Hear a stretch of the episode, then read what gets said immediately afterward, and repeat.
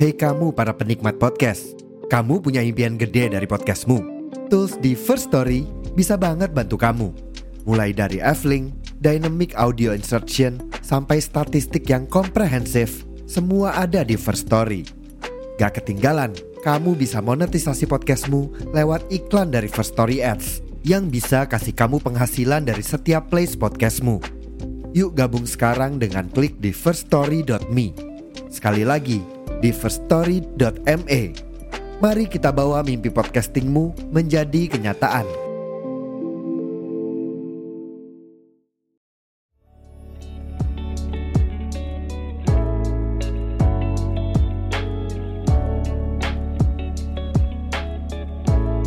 Jadi di episode yang kali ini di Kumel itu udah ada eh, satu apa ya ini orang ini satu teman. Temen doang gila lu. Kan kita saudara dong. Oh saudara ya. Tapi kan iya. lu Ambon gue Cina. Ya itu dia kan unik ya. Iya lu sih. tahu kan yang yang film perang-perang kita kayak ketemu di perang gitu loh. Oke. bukan kayak yang film yang dulu ya. Halo Cina halo Batak itu bukan bukan. bukan. Itu. Itu. Relate tuh anak sekarang tuh. Iya. Iya iya iya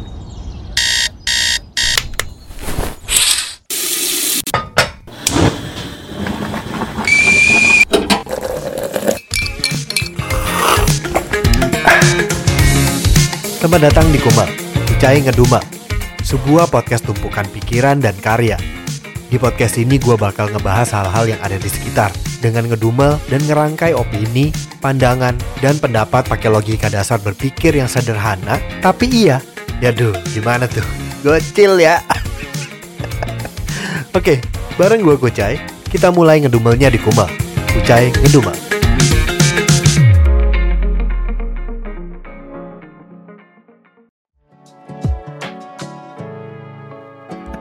Oke, jadi gue hari ini bersama dengan Aldi Syah. halo Aldi Syah Latui Hamalo. Wede, perlu perlu Ah. nggak sih? Lu sebenarnya seneng gak sih disebut Aldi Syah Latui Hamalo atau lu lebih seneng disebut Aldi Syah aja?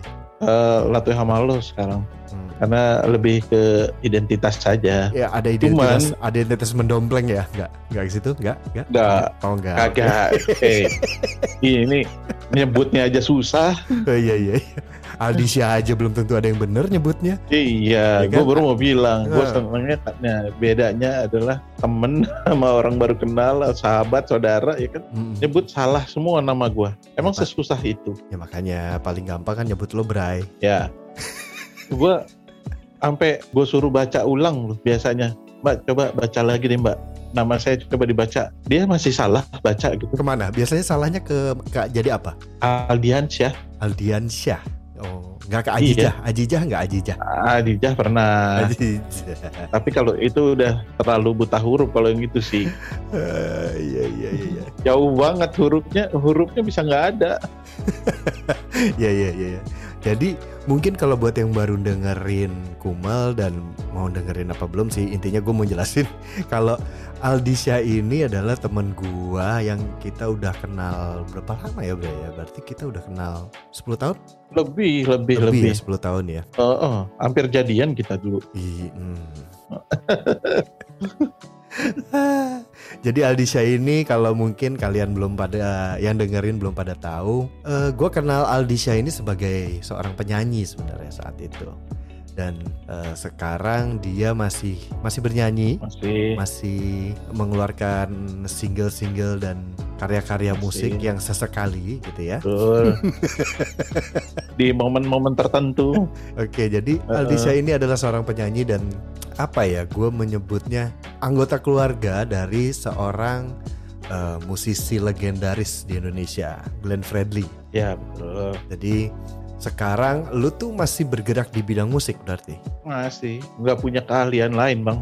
Tapi kan lu sekarang walaupun di musik lu tidak maksudnya gimana ya? Mungkin kalau persentase pekerjaan lu tuh kan udah nggak 100% musik. Maksudnya nggak kayak dulu dulu zaman lu sama gua eh, kedabrukan bareng tuh kan lu 90% musik. Ini lebih ke eh, apa ya industrinya ya gue ya Industrinya sekarang ya. bisa Mhm. bisa dibilang gitu dah Mhm. soalnya dari dulu tuh gue selalu bilang sama temen-temen musisi gue ini karena karena apa ya rasa penasaran gue aja eh, industrinya tuh kayak gimana sih Hmm. eh, gimana sih orang bisa sukses jadi musisi gitu ya lu bisa Hmm. tajir gitu eh, sebagai musisi itu gimana caranya nah Hmm. akhirnya gue mulai cari tahu terus emang ternyata menarik ya gue dari dulu tuh suka baca bacain cover kaset dulu Hmm. makanya gue dulu tuh suka bilang sama teman-teman yang lain kayaknya lu maksudnya kalau jadi musisi kita tuh harus ngerti industrinya juga supaya kita Hmm, hmm, hmm. nggak dibego-begoin gitu Hmm, hmm, hmm. itu aja tetap kena Nah, mungkin kalau lu bergeraknya di musik itu kan lu, lu lebih ke gimana ya? Lebih ke role-nya tuh lebih musisinya, bener gak? iya Kalau lu saat-saat saat dulu ya gitu maksudnya. Mm. Lu lebih ke musisinya, lu, lu sebagai musisinya dan saat sekarang mungkin lu industrinya untuk promo dan segala macam gitu. Beda saat di zaman berapa berapa tahun lalu ya? Berarti kalau misalkan kita bisa sebut 2000 Eh, 2000 apa ya? pokoknya gue gue tuh memulai itu tuh 2004 Eh, ngeluarin single dulu tuh 2007 kalau nggak salah atau 2008 terus album tuh 2000 pertama tuh 2011 Album album pertama 2011 11 kacamata ya itu ya. kacamata semua oke. fotonya sama lu itu Iya kan gue Kayak- jadi ada ada satu kalimat yang gue selalu sebutin nih buat yang dengerin gue mau ngasih tahu aja. Jadi gue selalu ngomong 80% di rumahnya Aldi dan di semua yang ada di rumahnya dan karyanya itu gue yang moto. iya loh 20% Bisa itu foto. mungkin foto-foto kecil, foto-foto sekolah ya.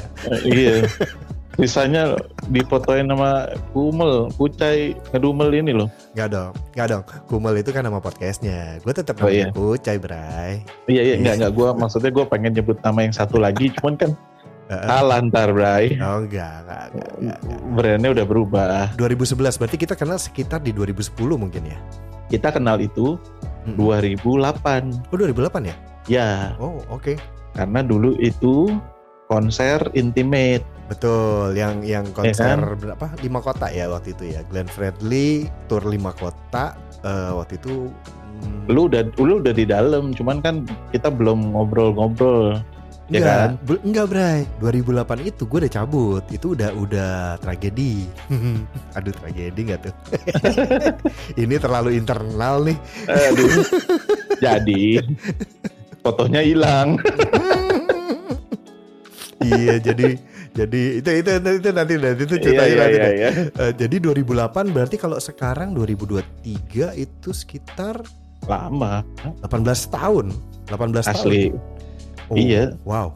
Oke, berarti lanjut ke cerita gua 18 tahun yang lalu gua di industri musik itu gua eh, sebagai freelancer yang foto untuk eh, kebutuhan artis gitu atau kebutuhan eh, artis manajemen gitu untuk foto panggung, foto album, cover album, Foto album. gitu ya, sampai desain grafisnya yang akhirnya ke video klip saat itu akhirnya perkembangannya gua.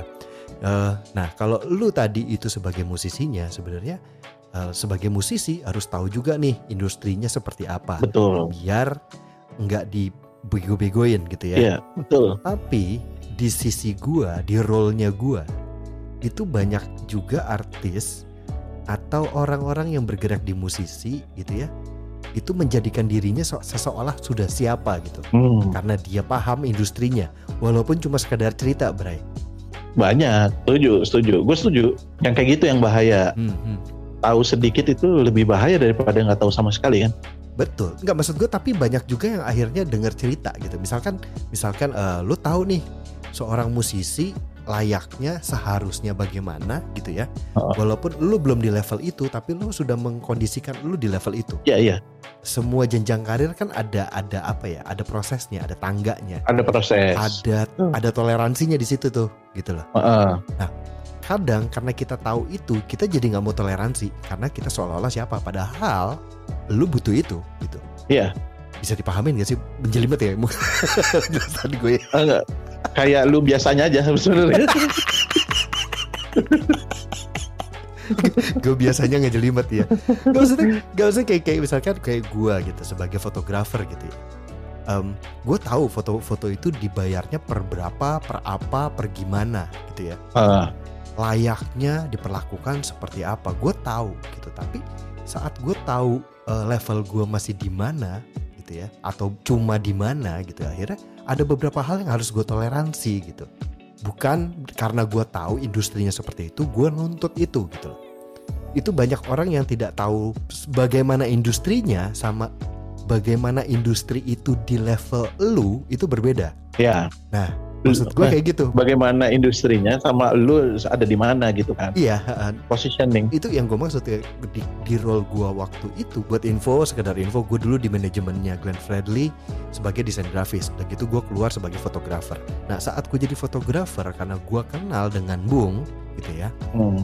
akhirnya ya udah lu kalau mau minta tolong ayo sama gue ayo gitu karena ada ada ada kedekatan itu ada kenal gitu ya begitu bukan cuma sekedar orang yang di calling aja gitu ya Ya. dan berapa gua dibayar dan segala macem gitu kadang karena gua levelnya baru mulai ya gua akan bilang ya lu budgetnya berapa deh gitu loh Gue sampai sekarang masih suka gitu gue. tapi kan pada akhirnya seiring level lu naik lu tahu patokannya dong lu tahu batas bawah dong Betul. Cuman de- masalahnya eh yang sekarang-sekarang ini pada mau produksi-produksi itu kan Mm-mm. ternyata nggak sekuat itu tapi ya let's say lumayan lah kalau kita mah buat ceperan ngisi-ngisi waktu gitu. Mm-mm. kayak kita udah lama ya kan? Udah lama nih nggak eh, produce gitu misalnya. Mm-mm. mau nih segini tapi budgetnya nggak bisa. Gue banyak banget tapi ada banyak juga yang nggak masuk hal yang nggak akhirnya nggak gue ladenin. Ya berarti kan saat lu tidak ladenin itu berarti sebenarnya kan karena lu tahu baw- level bawah minimumnya di berapa atau di apa di seperti apa? Itu itu itu lu tahu dong. Iya tahu. Nah level itu kan berubah juga seiring levelnya kita naik. Betul. Hal itu yang kadang gue pernah ketemu tuh dulu tuh nggak nggak peduli dengan itu gitu Bray. Jadi kayak ya kan harusnya kontraknya begini begitu begini begitu. Kalau revisinya Hmm. sudah sekian nggak bisa dong gitu. Ya padahal kalau lu sudah di levelnya Bung Glenn gue sih diem gitu loh. Gitu. tapi Iya, kalau iya. gitu loh. Tapi kalau cuma maksud gue kayak lu baru-baru cuma hobi gitu terus nyanyi gitu terus Eh, baru-baru mulai berkarya dan mulai dilihat gitu terus lu mau mengajukan sesuai seperti industrinya di levelnya Glenn ya nggak bisa dong gitu. Terus lu mau ribet gitu ya? Iya gitu. Dan itu banyak gitu banyak banyak orang yang begitu. Kayak teman kita satu ada yang namanya depan itu ya intinya itu sih. Maksudnya gue gua ngelihat ngelihat gue ngalamin juga soalnya gitu. Maksudnya kayak eh, minta difoto sama gue gitu ya. Adalah seorang artis lah gitu yang yang ya Hmm. udah mulai ada namanya lah gitu. Mulai bukan ada namanya sih lebih ke udah mulai kedengeran lah gitu ya namanya Iya. lagunya gitu. Terus minta difoto eh, cover album gitu. Terus pas gue tanya budgetnya berapa em, saat itu ya memang gue udah pernah melakukan foto cover album gitu loh dan portfolionya juga sudah ada gitu. Jadi batas minimumnya gue udah punya gitu dan dia kasih jauh di bawah itu gitu dan hmm. dan dia bilang kan lumayan buat portfolio lu gitu. Ya kalau It- portfolio untuk sekedar portfolio eh, seperti CV gitu ya untuk list doang gitu iya gitu. Tapi kalau untuk lu kenalnya ke gue dalam artian eh, memang callingannya job ya beda dong iya lain lah. Jadi maksud gue dunia dunia keartisan itu gak seindah itu gitu maksud gue ada pak. Itu kan maksudnya ya kita banyak lah ngalamin temen-temen yang emang karyanya satu dua oke Hmm. booming. Ternyata eh, dulu nongkrong rokok aja Hmm, minta. hmm, iya. Ya kan? Hmm, hmm, hmm. ada banyak gitu. Emang nggak se seglamor yang dipikirin orang-orang Tapi memang pekerjaan kita nih dunia-dunia gini, dunia entertain, dunia seni yang seni yang ke musik, ke sesuatu yang visual dan sesuatu yang biasanya Ah. dilihat sama halayak ramai gitu ya. Waduh. Kon- konsumsi publik konsumsi Ah, gitu. Itu memang terlihatnya kayak wah sih, Bray. Ya kelihatannya ya Nggak maksudnya image di orang-orang tuh begitu gitu. Sampai ada temen gue pernah, coy gue pengen dong jadi fotografernya artis. Gue pengen dong eh, kayak lu jadi fotoin behind the scene-nya syutingan, video klip, syutingan apa gitu. pengen dong foto panggung gitu acara-acaranya si Bung Glenn acaranya siapa ya zaman itulah gitu. Heeh. Dan gue bilang emang kenapa? Gue bilang nggak kayaknya enak keren gitu-gitu. Gue gue dalam hati ya gue gue nggak nggak jawab langsung sih. Cuma gue dalam hati nggak segitunya sih gitu. Gue saat itu malah jawabnya emang lo pikir artis semua banyak punya duit mau bayar? Aduh, itu itu malah lebih kejam ya dibanding di hati ya. Iya. Iya. Harusnya itu yang di hati ya. Betul. Iya. Harusnya jangan diomongin. Kan itu kenyataan. iya. Memang kenyataan, tapi langsung memutuskan harapan orang. Iya iya. iya. Ditambah menjatuhkan orang lain. Ya tapi maksudnya kal- kalau gue malah ngelihatnya ya privilege untuk kenal artis dan segala macam. Ini ada dua role nih. Lu lu sebagai si industri musik gitu ya, si industrinya, si artisnya gitu. Artis dalam artian ya bisa musisi, bisa apa ini kita lebarin aja. Nah gue itu di, di sisi role yang apa ya mengerjakan kebutuhan-kebutuhannya role lu sebenarnya. Iya, kita tuh saling berseberangan sebenarnya. Saling membutuhkan lebih tepatnya. Ah, itu sudah. Hmm. Gua tahan-tahan. Ya tapi di sisi di sisi gua eh, keuntungan untuk kenal artis gitu ya. Ya gue nggak tahu sih mungkin karena gua nggak pernah jadi artis ya, gua nggak pernah jadi public figure gitu. Jadi ya ngerasa keuntungannya di gua, privilege-nya di gua. Kenapa? Karena bisa masuk nanti konversinya itu jadi job gitu. Ya, Nah gitu. Dan gue coba gue nggak tahu nih kalau lu yang sudah jadi musisi dan lu sudah di industrinya persentasenya lu sebagai musisi dan sebagai penyanyi kan sebenarnya udah nggak udah nggak sedulu persentasenya. Sekarang lebih kecil dong gitu. Lebih gede di industrinya sih ya nggak sih? Eh, iya betul, betul. dan keuntungan lu kenal artis Betul. menurut lu privilege-nya ada nggak? Eh, kalau di gua sekarang keuntungannya adalah gua bisa connect-connectin aja gitu sama ekosistem yang lain ya. Hmm, hmm, Misalnya, hmm, Gue punya acara nih, Hmm. mau bikin acara gitu ya. hmm, Terus eh, oke butuh pengisi acara ya. Hmm. Ya udah.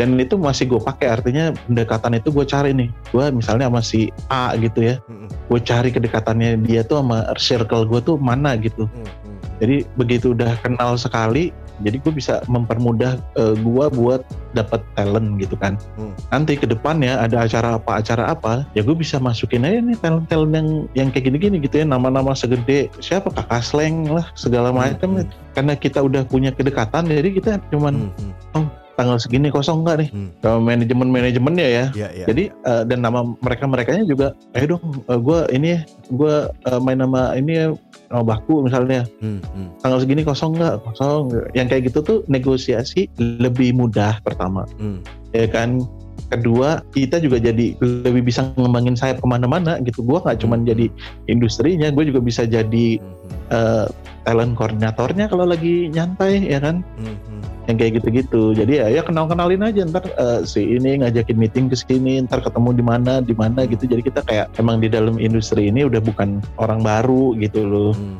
kan yang susah itu ya nyari temen nyari Ya. tapi gimana caranya lu tidak memanfaatkan relationship gitu ya Ya, ya, ya, ya, betul. itu dia lu kan harus harus bisa menjaga itu gitu Ya, ya, ya. Berarti konversinya sebenarnya lebih bisa jadi sebuah karya lagi, baliknya ke situ lagi kan gitu. Jadi sebuah kolaborasi, bisa ke mana-mana bisa jadi sebuah apa ya? Entah bentuknya event kan, entah bentuknya musik, entah bentuknya single, itu bisa jadi profit juga bisa, bisa maksudnya menguntungkan juga. Maksudnya ya kita semua butuh hidup gitu kan. Musisi ya hidup dari musiknya gitu. iya Jadi keuntungannya sebenarnya ada tapi purpose-nya dan motivasinya jelas gitu. Motivasinya bukan untuk memanfaatkan tapi lebih ke arah mutual gitu. Sama-sama gitu. mutual iya bener ya kolaborasi jatuhnya. Masing-masing jadi eh, apa ya kita juga nggak merugikan mereka kan orang kita ngasih Iya, job. iya, iya, iya, iya. Cuma ya yang meresahkan gue sebenarnya dengan hal-hal ini tuh gue apa ya sering ngelihat kayak banyak orang biasa yang menurut gue orang biasa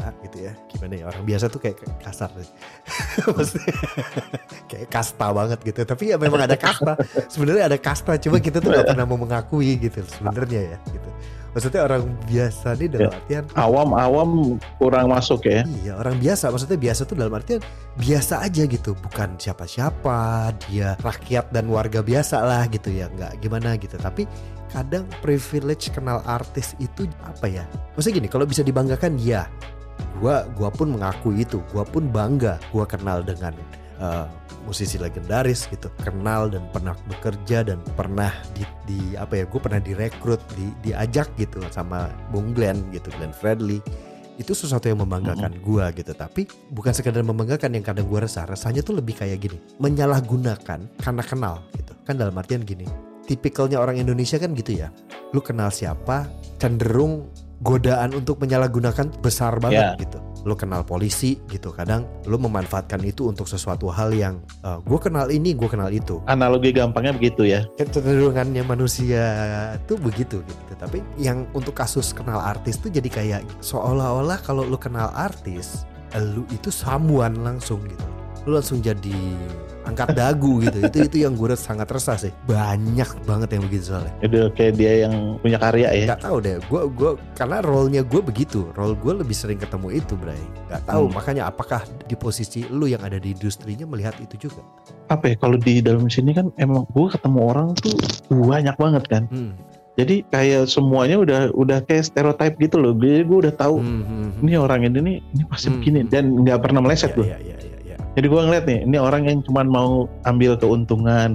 Ini orang yang sebenarnya kagak tahu apa-apa nih. Hmm, hmm, Ini orang yang gede bacot doang yang kayak gitu-gitu tuh ya. hmm, hmm. Nah gue tuh lebih banyak ketemu orang-orang yang kayak gitu untuk saat ini karena Hmm. kalau untuk yang ah gue kenal si ini, gue kenal si ini itu pasti udah mentah duluan kan. Hmm. Oh Kayak gini, gitu. contohnya gini yang gampang ya.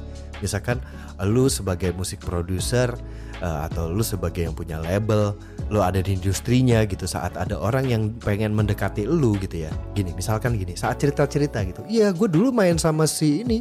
Gue dulu playernya si itu. banyak. Gue dulu sama oh iya kenal tuh gue. Gue nongkrong di sini tuh sama dia sama si A, si U, si E, si U, gitu. Pasti banyak. Iya gak sih?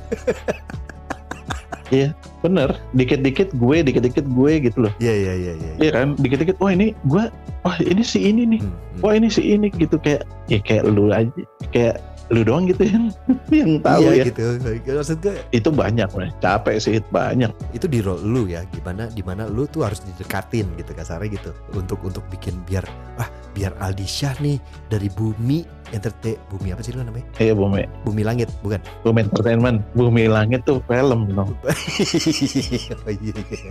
bumi entertainment, musik bagus. musik bagus oke wah gue harus deketin Aldi Syah nih biar bumi entertainment sama musik bagus bisa bikinin karya bikin single gue bikin album gue nih gue deketin nih gue harus menunjukkan gue siapa gitu. Itu kalau kalau di sisi lu kan kayak gitu. Kalau di sisi Hmm. gue seringnya ketemu orang-orang yang eh, ujung-ujungnya bukan butuh gue untuk bikin sesuatu untuk dia tau. Ujung-ujungnya tau gak apa? Compare ya?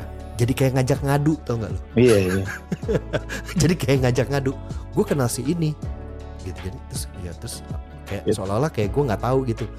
Terus gue kenal ini oke gue nggak kenal itu tapi gue kenal yang lebih gede sih misalkan gitu jadi kayak godaan buat gue tuh kalau ketemu orang-orang begitu tuh Buat, pengen buat ngebales tengil kan? iya nih nih nih mau ngadu nih nih mau ngadu kenal kenalan siapa nih atau mau ngadu pernah ngerjain apa aja nih ayo nih mau ngadu ayo nih ngadu nih gue sering tuh kayak gitu dulu tuh Iya, iya. zaman itu tuh zaman dulu kita sering nongkrong tuh Iya. wah itu itu sih itu nyebelin banget sih memang Dulu tuh kalau kita bisa nahan itu ya, Eh. kayaknya keren banget itu kita. Asli. Maksudnya kayak "Ih, gila tadi kalau gue sautin begini malu nih orang gitu loh ya nggak sih padahal dulu kalau mikirnya ya ampun lu ngomong segitunya kalau gua ngomong ntar malu nih. ntar nggak pulang lu kalau gue ngomong Ah, kenapa? Lu lu ini ya, lu pukulin ya? enggak dong Oh enggak. Oh oke. Oke, tapi kan nggak semua harus diselesaikan dengan kekerasan nggak semua kadang kadang kalau perlu iya iya iya. Kalau misalkan gue mau nanya nih, lu kan lebih sering ketemu artis lah ya dibanding gua gitu. Maksudnya gua ketemu artis itu juga beberapa artis dengan circle yang sama gitu kan. Misalkan dulu dari Glenn Fredly ke Baku Cakar, ke mana Hmm. lagi Pasto gitu kan. lu lagi lu lagi tuh mah ke BLP gitu kan ya maksudnya eh, circle-nya itu gitu. Zaman dulu tuh gue circle yang sedikit di luar tuh Eric tuh. Neng, Eric tuh ya walau dia pernah ikut di Glenn dan gue kita kenal gitu kan gitu kan. heeh. dan ternyata dia eh, di Agnes kan di Agnes Mo gitu. Sekarang Agnes Mo dulu Agnes Monica heeh. gitu. Itu doang tuh paling yang di luar circle tuh. Sama apa ya Sen- Sen Loco gitu misalkan. Itu tuh di luar circle. Tapi kalau lu kan circle-nya lebih lebar ya. Nah kalau lu sekarang kita putuskan aja lah ya kenal artis itu adalah sebuah privilege gitu ya. Ya. Kenal public figure itu adalah sebuah privilege gitu. Ya bisa dibilang gitu. Yang lu nggak suka dari privilege itu apa sebenarnya? Yang gua nggak suka dari privilege itu sebenarnya justru circle di luar itu. Ngerti lu? hmm? eh lu kan kenal si ini nih. Mau dong tiket. Hmm. Eh. mau dong foto. Hmm. mau dong gue kenalin. Mau dong. Eh, itu loh. Kan dan Iya, iya, itu iya, kan iya, itu ganggu sebenarnya iya nggak sih iya, iya. benar-benar sih. Iya, bagi ya gue gue gue pernah merasakan itu tuh juga tuh. Iya kan Uh, apa sih gitu loh hmm, hmm. kali ada tiket gitu ya nggak semua kali ya nggak gitu konsepnya gila tuh masa Kita juga sekenal kenalnya bener gimana juga nggak gitu juga. Kita juga nggak bisa nggak bisa gitu gitu. Kan? asli asli itu itu yang gue kadang-kadang kalau sama misalnya sama si artisnya gitu-gitu sih kita nggak ada maksudnya ya udah nggak sampai ke mana-mana gitu pemikirannya Hmm, hmm, hmm. circle yang di luar itu justru yang ganggu gitu Hmm, hmm. belum kalau Hmm. dia jual-jual nama eh gue temennya Kucai loh gitu bagus kalau tuh orang langsung oh ya ampun Kucai gimana kalau ini Kucai yang mana ya apa nggak jatuh lu Iya, iya, iya, iya, iya, iya, iya, iya. Itu senjata yang pernah gue pakai saat ada ketemu orang-orang yang yang tadi yang dalam tanda petik ngajak ngadu, Bray. Ah. Pernah tuh gue pakai begitu tuh. nah lu gimana Misalkan Glenn Fredly gitu ya. Heeh, heeh. Waduh, gue pernah tuh waktu itu ini Glenn gini gini gini gini gini gini. Hmm, ya udah kalau ketemu lagi salam ya, bilang dari Kucai. Gituin aja. iya kan Kan berani gue kalau Glenn Fredly maksud gue bukannya sombong karena memang gue ya gue dulu di manajemennya gitu. terus nama lu udah one and only coba siapa lagi nama Kucai Bener lah. gue inget zaman zamannya gue bikin Instagram Hmm.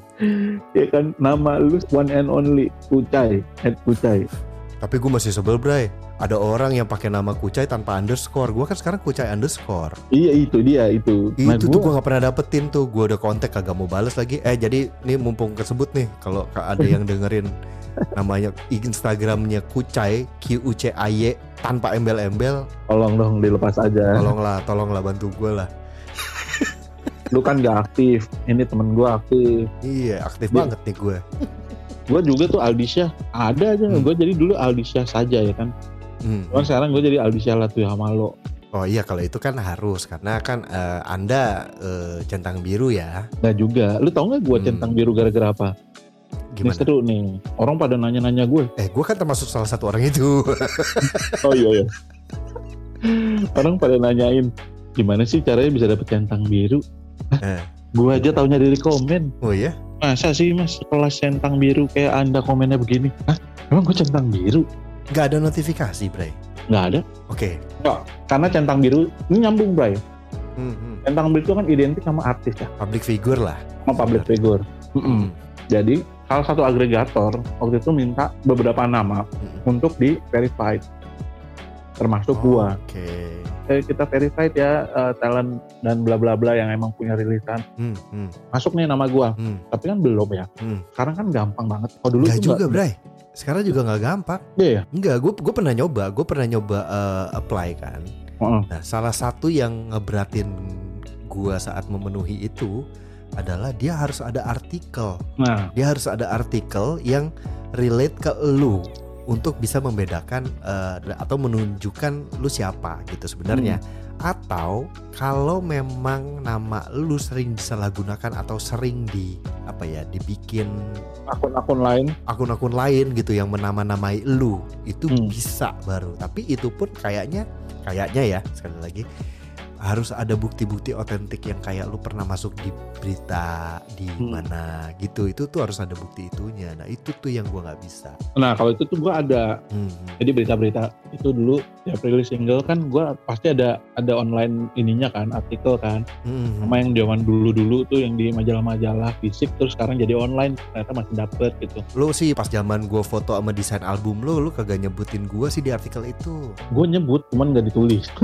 Iya kata yang nulis Kucai siapa ini sayur? Nih ngapain dia nyebutin sayur katanya ya? Kan? Nah ini serunya. Gue tuh gue tuh nggak ada di maksud gue juga nggak mikirin. Oh verified. Iya ya nggak tahu gue sampai one day nah ini nyambung sama topiknya nih. Hmm. artis oh ya public figure itu punya dampak ya. Hmm. even ke orang yang lu nggak kenal Hmm. nggak kenal lu juga gitu. Hmm. Adalah ketika gue ribut sama Nagita Slavina. Oh iya? Lu pernah ribut sama Nagita? Gue nggak ribut sama Nagitanya. Oh tapi? Gue ribut sama fanbase nya Oke, waduh. jadi waktu itu nih pon inget nggak lo ribut icon nama duta tuh. Icon pon Papua Mm-mm. tapi Nagita Slavina. Oh oke, ya ya ya. Ingat ingat gua. Iya kan? iya iya. Ah, ah, ah. Terus terus. gue sebagai emang yang lagi ya kita karena udah di brainwash Mm, sama Glenn mm, mm, soal kecintaan terhadap Indonesia terhadap Indonesia Timur terutama gitu ya mm, mm, mm. gue ngeliat lah emang kenapa ya? Emangnya yang di Papua nggak ada nih yang cakep-cakep Hmm, ya kan? Hmm. Atau atau fi- public figure atau siapa? Siapa pun. Eh, darah Papua yang eh, ya mohon maaf ya un- untuk untuk Indonesia dan TV dan segala macam memang kadang dibutuhkannya dan dicarinya sama mereka yang good looking gitu kan. Maksudnya Iya. masih gak ada sih gitu kan? Iya maksudnya dari sekian banyak kenapa Nagita Slavina? Hmm, hmm, hmm. gue ngepost tuh biasa aja. Hmm. abis gue diserbu sama akun bodong entah kenapa dari situ tuh. Tar, tar, tar dulu. Tapi saat itu lu sudah centang biru belum? belum. Belum, oke. tahu-tahu ada yang eh, mention Hmm. masa akun centang biru komennya begini? gitu. Hah, emang iya? Gitu loh. Emang iya? gitu. Gue cek lah iya. Lucu. Makanya gue lihat sekarang teman-teman yang baru pada dapet centang biru pada kayak di posting wah selamat ya gini-gini. Kayaknya gue waktu itu nggak ada yang istimewa istimewanya gitu Nggak ada notifikasi kah atau apa di IG lu kayak di email lu gitu misalkan nggak ada sama sekali gitu. agak ada bray Oh ya? asli gila ya Ya, sampai masuk koran gue radar apa gitu radar Oke. Bekasi apa Waduh. dia ngomongnya e, Alista produsernya musik bagus apalah dengan Nagita gitu-gitu jadi kayak ngangkatnya gue kayak ini loh pansos sama si Ya ya ya. Gigi gila ngerti juga kagak gue. Eh kalau gue bikin kasus sama lu masuk berita gak ya? Biar gue centang biru juga gitu. kagak ngaruh kalau sama gue bray sama Iwan Fals coba Tapi kan gue bermasalah sama centang biru gitu loh. masalahnya follower gue nggak nyampe lima ribu tapi nggak beli ya gue lagi mikir nih apa gue beli aja kali ya biar nggak tensin tensin amat dianggap orang-orang Hmm. coba ini gue kalau komen ya gue komen di mana-mana Mm. Hmm, mungkin karena karena ada tuh centang Mm. Jadinya orang tuh ini loh notice duluan ya. Jadilah yang dibalas Mm. gue kalau orang gue cuman hehehe itu Hmm, hmm, reply-nya kayak banyak banget gitu. Hmm, hmm, hmm. maksud gue kayak oh ternyata tuh segitu powerfulnya ya. Memang. that's why orang yang orang yang kenal sama artis bakal ngerasa lebih tengil lagi dan iya nggak sih? Iya iya iya. Iya, iya gitu loh. Fenomena centang biru itu pun kayak sampai kayak gini tau gak sih? Kalau misalkan di dunia podcast ya gue ngerasanya ya oh kontennya konten siapa nih? Oh podcast nih podcastnya siapa nih? Wah hostnya atau podcastnya centang biru nih gitu ya.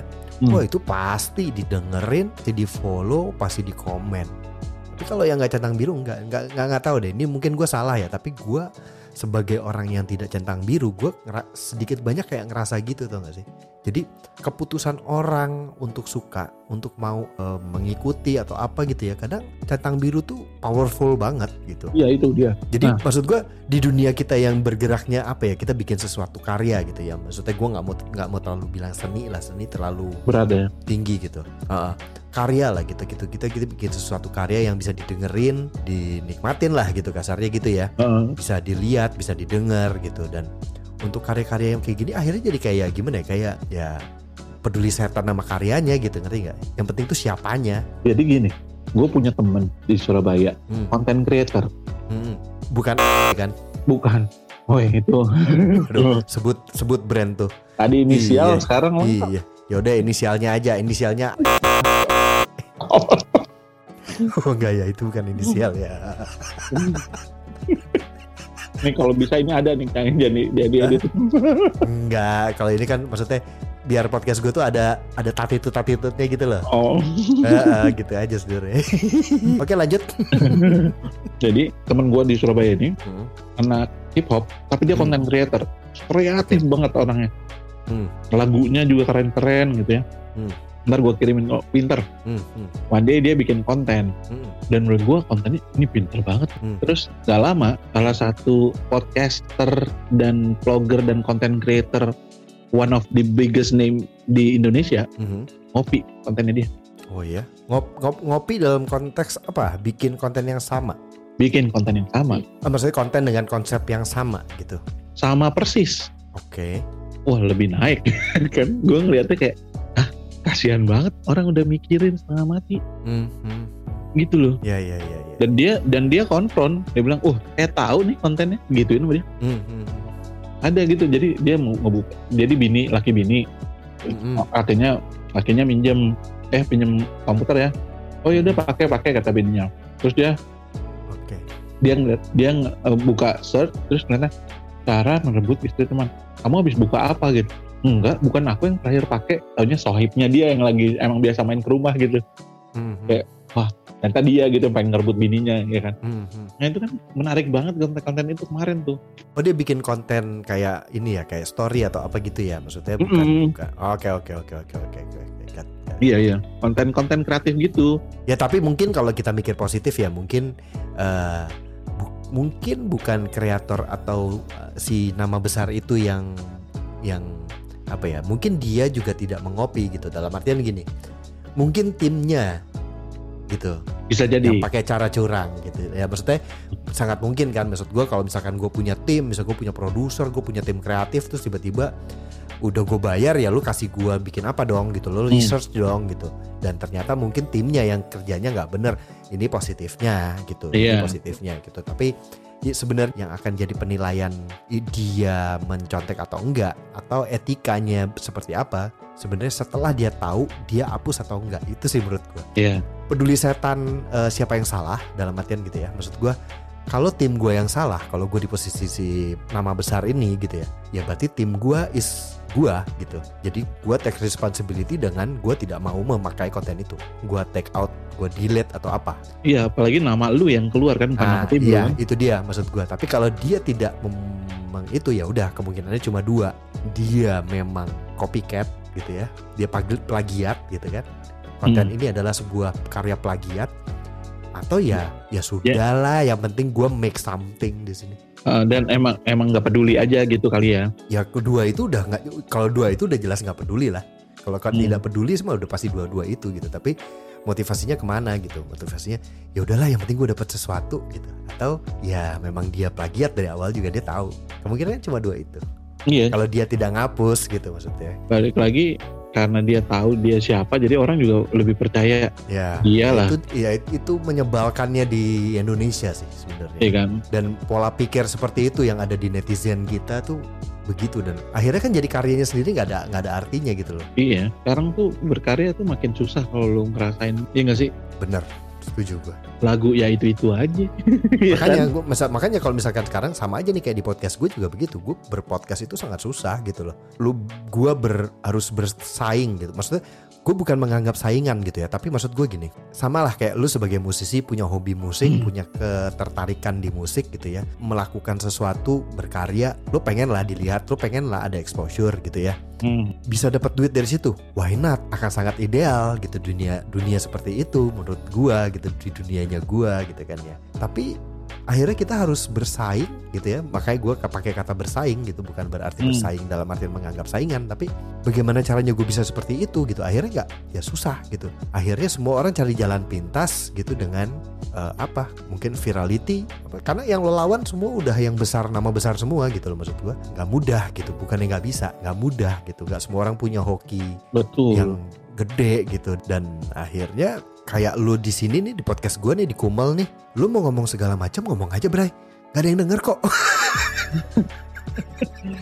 Eh lu one Ya, day ya. Oke, one gimana? eh, one day lu podcast lu didengar terus dipromot sama Sandiaga Uno lu. Aduh jangan Sandiaga Uno lah. Ya yang lebih gede lagi lah. Balik lagi ke soal privilege dan kenal artis dan segala macam centang biru dan lain-lain tadi yang kita obrolin gitu ya gue jadi ngelihatnya tuh orang kita tuh selalu memanfaatkan yang namanya centang biru kenal sama siapa. Jadi maksudnya orang tuh jadi mencari ke situ gitu loh. Ini ini ada hal lagi yang gua nggak suka ya. Mungkin gua yang nggak update. Kayak gini lo cek deh ya lambe turah gitu misalkan gitu ya. Hmm, hmm. dan atau apa deh eh, portal-portal berita atau Instagram yang sekarang ini kayak pengen jadi TV One gitu ya.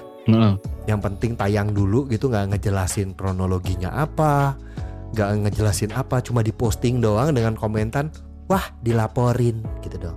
Eh, gua nggak suka tuh lagi nggak suka tuh gua sekarang nih dengan budaya ini gitu. Kenapa? Karena ujung-ujungnya memanfaatkan untuk mencari keuntungan dengan kontennya rame gitu loh ngerti nggak maksudnya?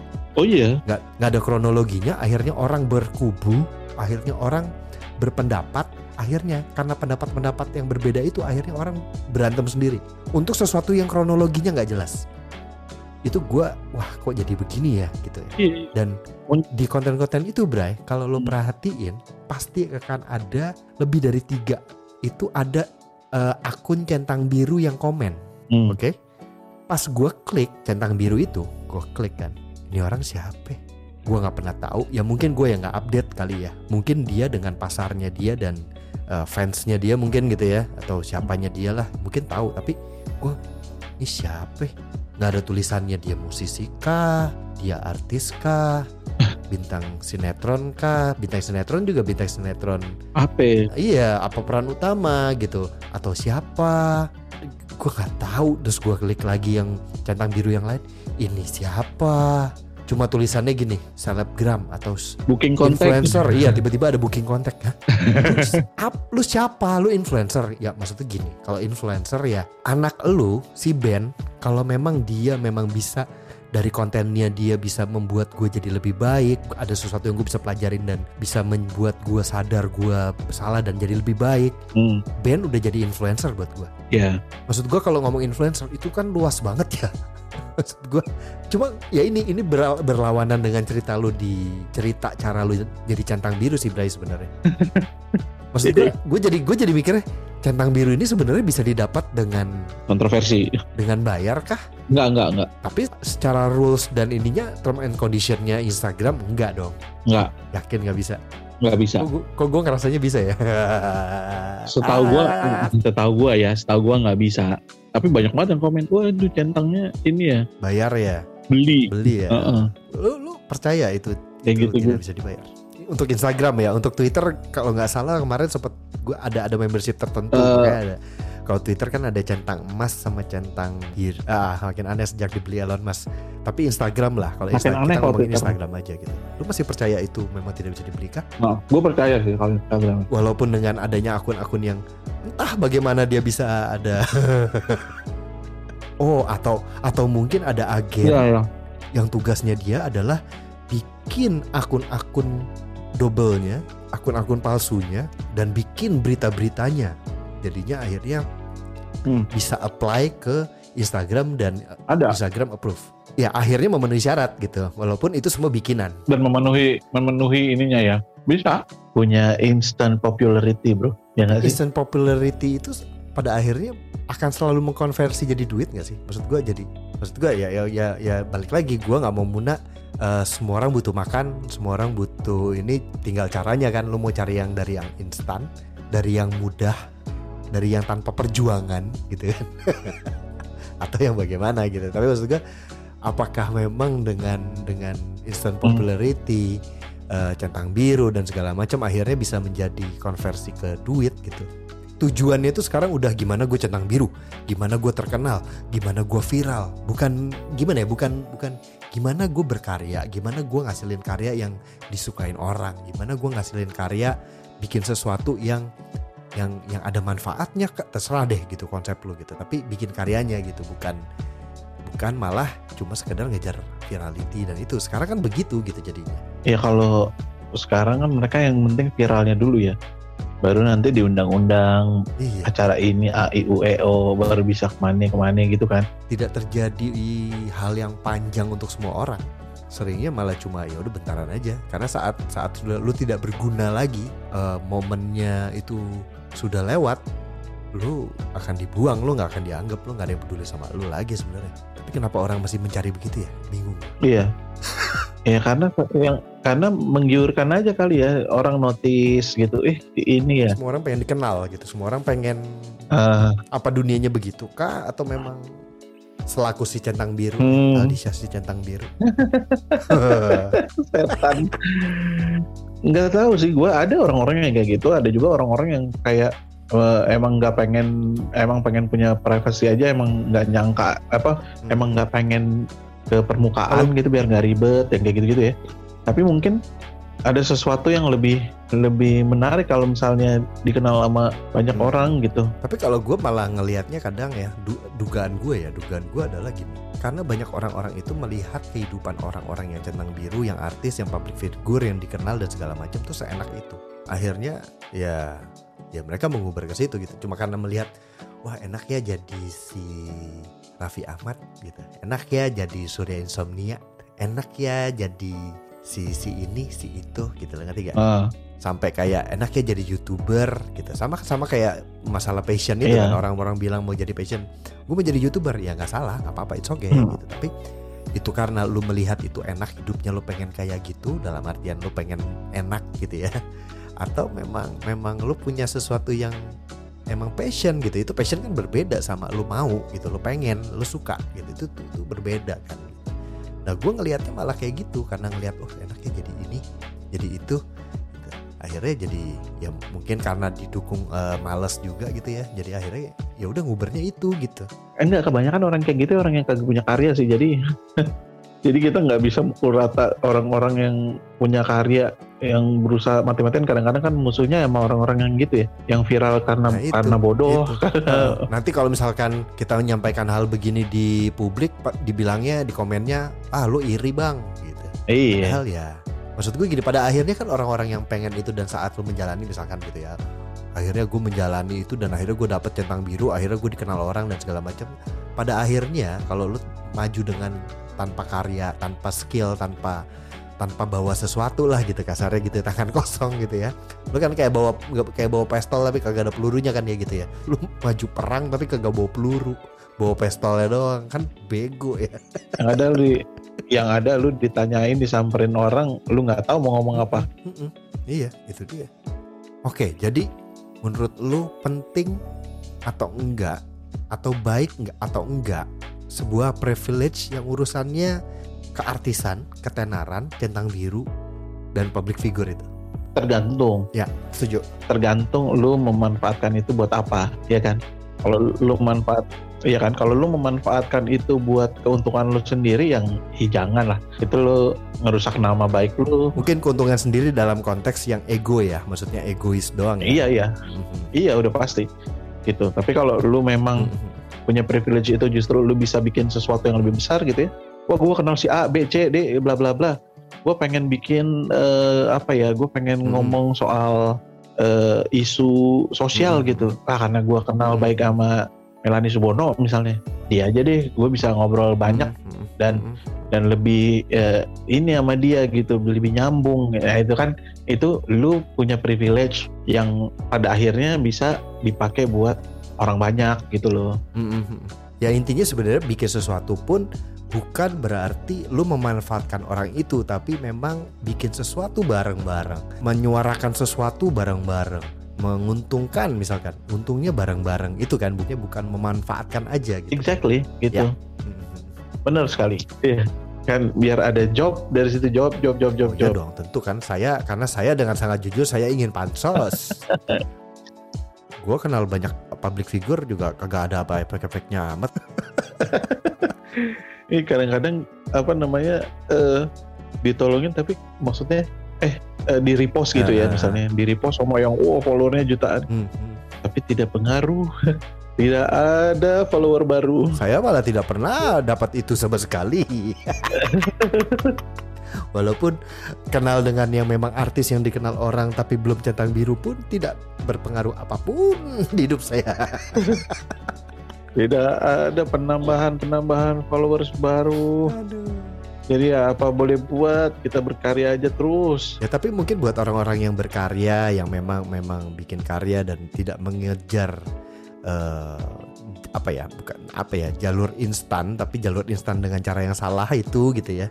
Mungkin itu adalah sebuah ada sesuatu yang harus kita hormati dan kita puji gitu sebenarnya.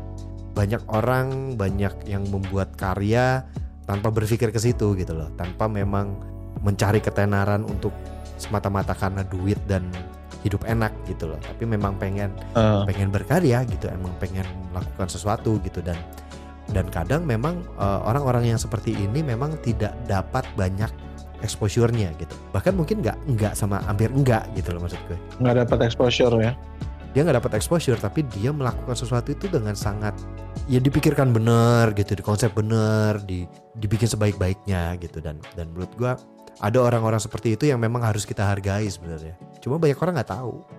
Tapi kayaknya nggak oh ya iya iya maksudnya mostly ya. Mm-mm. ya harus dihargai udah pasti dihargai. Tapi kadang-kadang ada nih gue ini bilang keresahan juga gimana ya? Cuman maksud gue gue ada satu kenalan gue dia bikin eh, konten gitulah di Instagramnya gue lihat sih memang effortnya lumayan Bray jadi lighting, Hmm. kamera, efek gitu ya. Dia pakai biro, pakai segala macam buat, oh gue pengen ini gini Hmm. gini gini gini. Itu kadang menurut gue nggak ada isinya pertama. Tapi kayak, "Ah, bro lu nggak mau give uh, the chance buat orang yang lebih kreatif gitu dengan gear yang lu punya dengan, ya sih? Ada aja ya. Ada. Jadi gue, aduh gimana gitu gue Iya, kayak, iya, iya, iya. gue pengen nge-like, gue nggak like ya kan? Gue nggak suka gitu ya, tapi iya, Iya, gue mau komen ngapain, iya, iya, iya. tapi lewat ya kan. Mau gua unfollow temen gua, apa ya kenal gitu. ya, ya sih memang. Eh ya sudah, Ya berarti ya udahlah gitu. ya memang harus menghargai semua karya. Iya, kita harus menghargai semua karya. Tapi untuk menyukainya itu pilihan ya.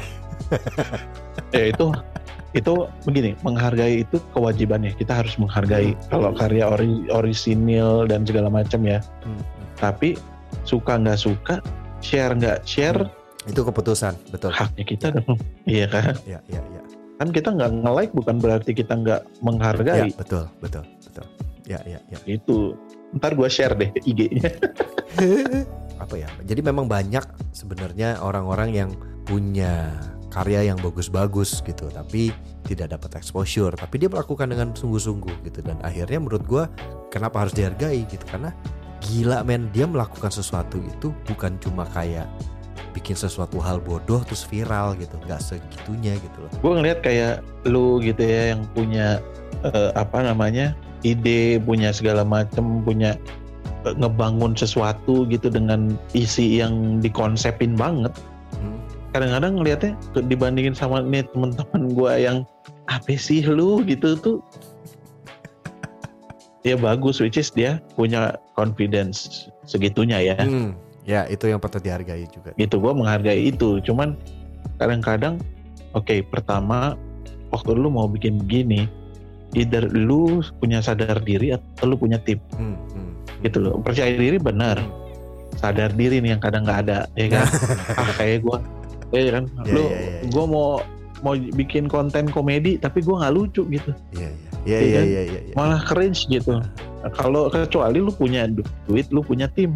Kalau lu, lu punya tim lu bisa tuh dapat apa jokes jokes yang fresh yang Hmm. yang emang beneran lucu. Jadi nggak ngejatuhin lu. Punya tim yang bisa crafting itu gitu kan? Asli. Ya ya ya Nah, jadi kan sayang ya gue ngeliat lu effort lu buset eh, nyiapin segala macam gear nyiapin a i u e o gitu. Ya berarti kesimpulannya gini Bray. Punya privilege itu tidak bisa menjamin apa pun. Membantu memudahkan iya. Tapi tidak jadi jaminan. Lu punya alat lu punya duit tapi lu tidak punya punya skillnya yang memang apa ya niche-nya gitu nggak ada. Iya. Eh, uniknya nggak ada gitu misalkan. Ya, apa pun itulah banyak hal lah. Kalau dijabarin banyak lah itunya nggak ada. Kalau lu punya alatnya doang lu punya duitnya doang nggak jadi apa-apa. Lu punya viral lu punya fame-nya doang.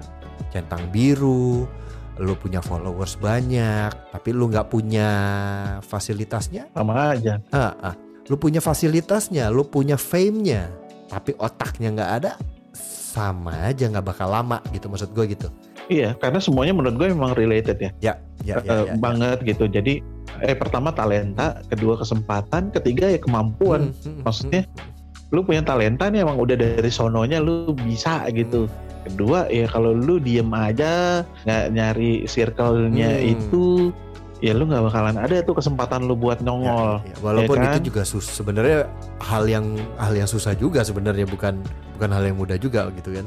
betul tapi that's why ada lebih dari sekedar dua opsi yang Mm, mm, yang lu bisa paling nggak lu punya dua nih mm, satu nanti bisa nongol gitu yang ketiga ya lu kemauan lu gitu lu nggak punya eh, nggak punya gear ya gimana caranya lu coba sekarang kan sekarang handphone udah canggih-canggih lu bisa bikin sesuatu dari Ya. Handphone lu bisa segala macam gitu ya mm, mm.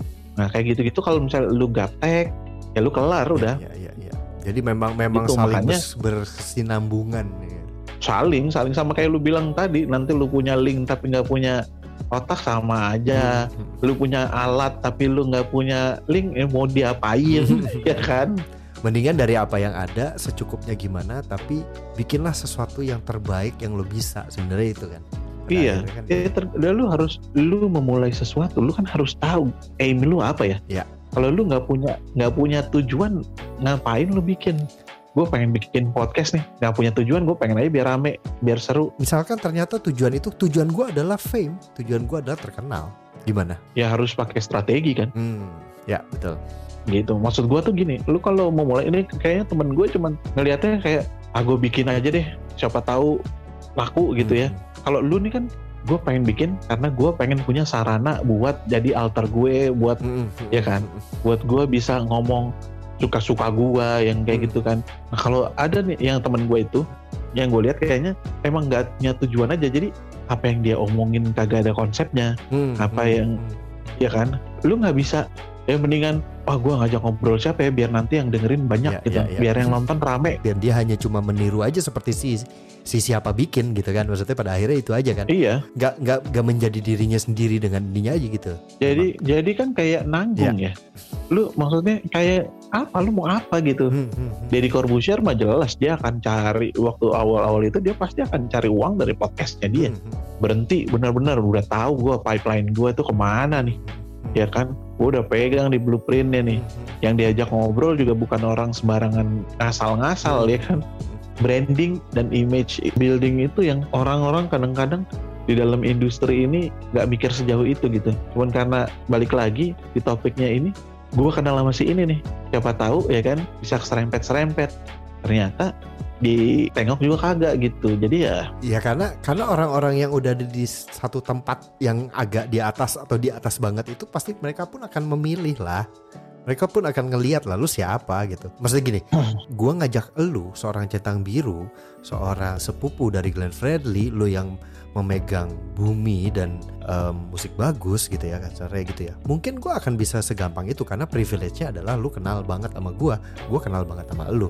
Tapi kalau misalkan kayak Deddy Kobuzier seorang kucai kumal ngajak Deddy Kobuzier Go- Deddy Kobuzier ngomong kumal siapa kucai siapa ya iya bener pantes kayak tadi yang lo bilang gitu hal-hal poin-poin tadi ya memang sebenarnya karena tidak semua orang mungkin punya kalaupun punya lu juga harus ada pertanggungjawaban dalam bentuk apa lah?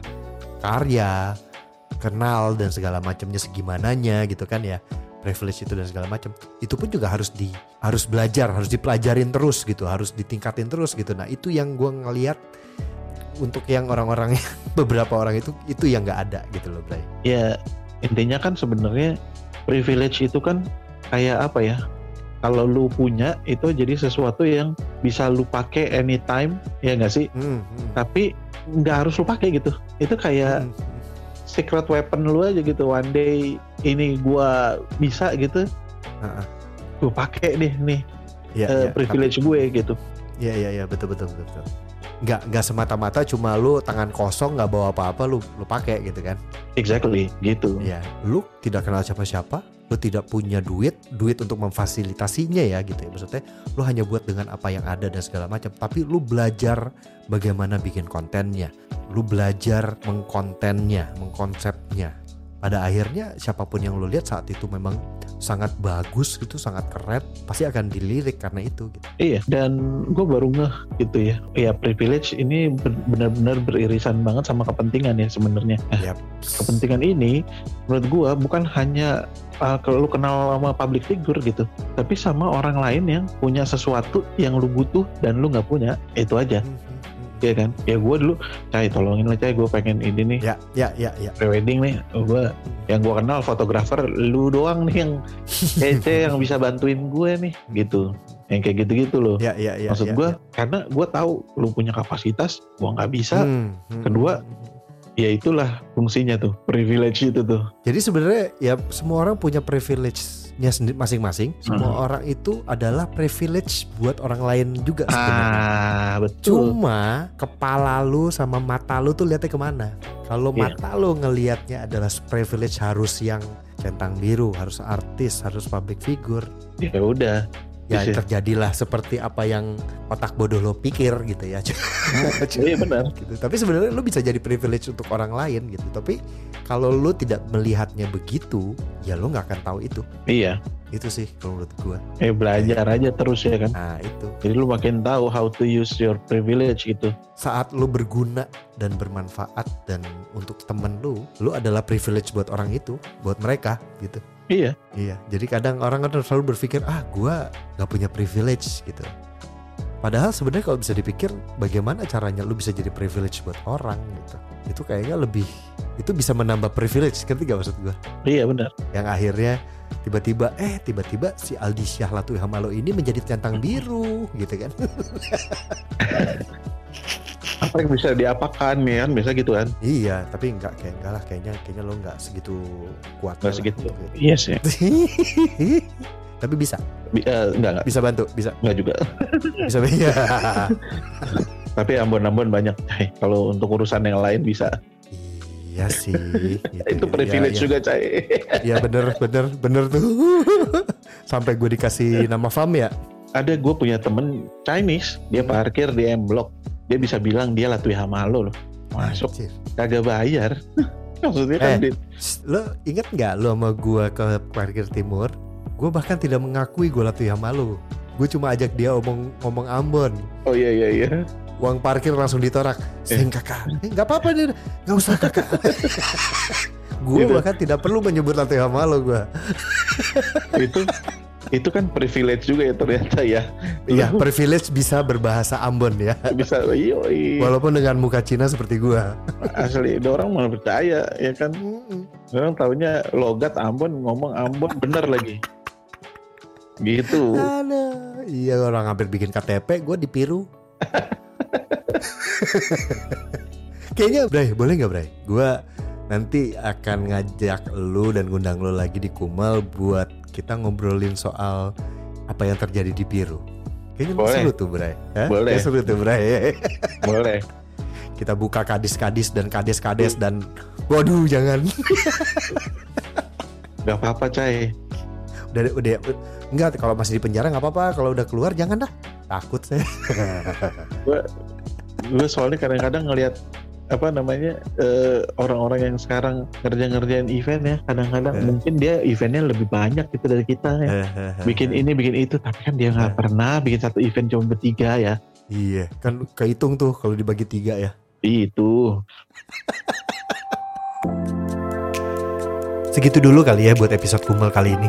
Kalau udah dengerin sampai sini dan suka sama podcastnya, bisalah di follow podcastnya. Kalau mau komen, jawabin, atau ngedumelin balik dumelan gue, bisa di komen di sini. Di episodenya kalau ada segmen komennya. Atau bisa juga ke Instagram sama Twitter, at Kumel. Pakai Q dan disambung semua. Kalau misalkan lo mau kirimin dumelan lo, pertanyaan, puisi melo-meloan, serangan, tebak-tebakan atau apa pun bisa juga email ke ngedumelbareng at gmail.com. Kirim barang buat di endorse atau di review, diiklanin gitu juga boleh loh. ya gitu. bisa, bisa tuh. Masuk. Yaudah, gue Kucai pamit. Sampai ketemu di episode berikutnya. Oke? Yaudah. Heeh. Iya. Yuk, yaudah. Bye. Dah.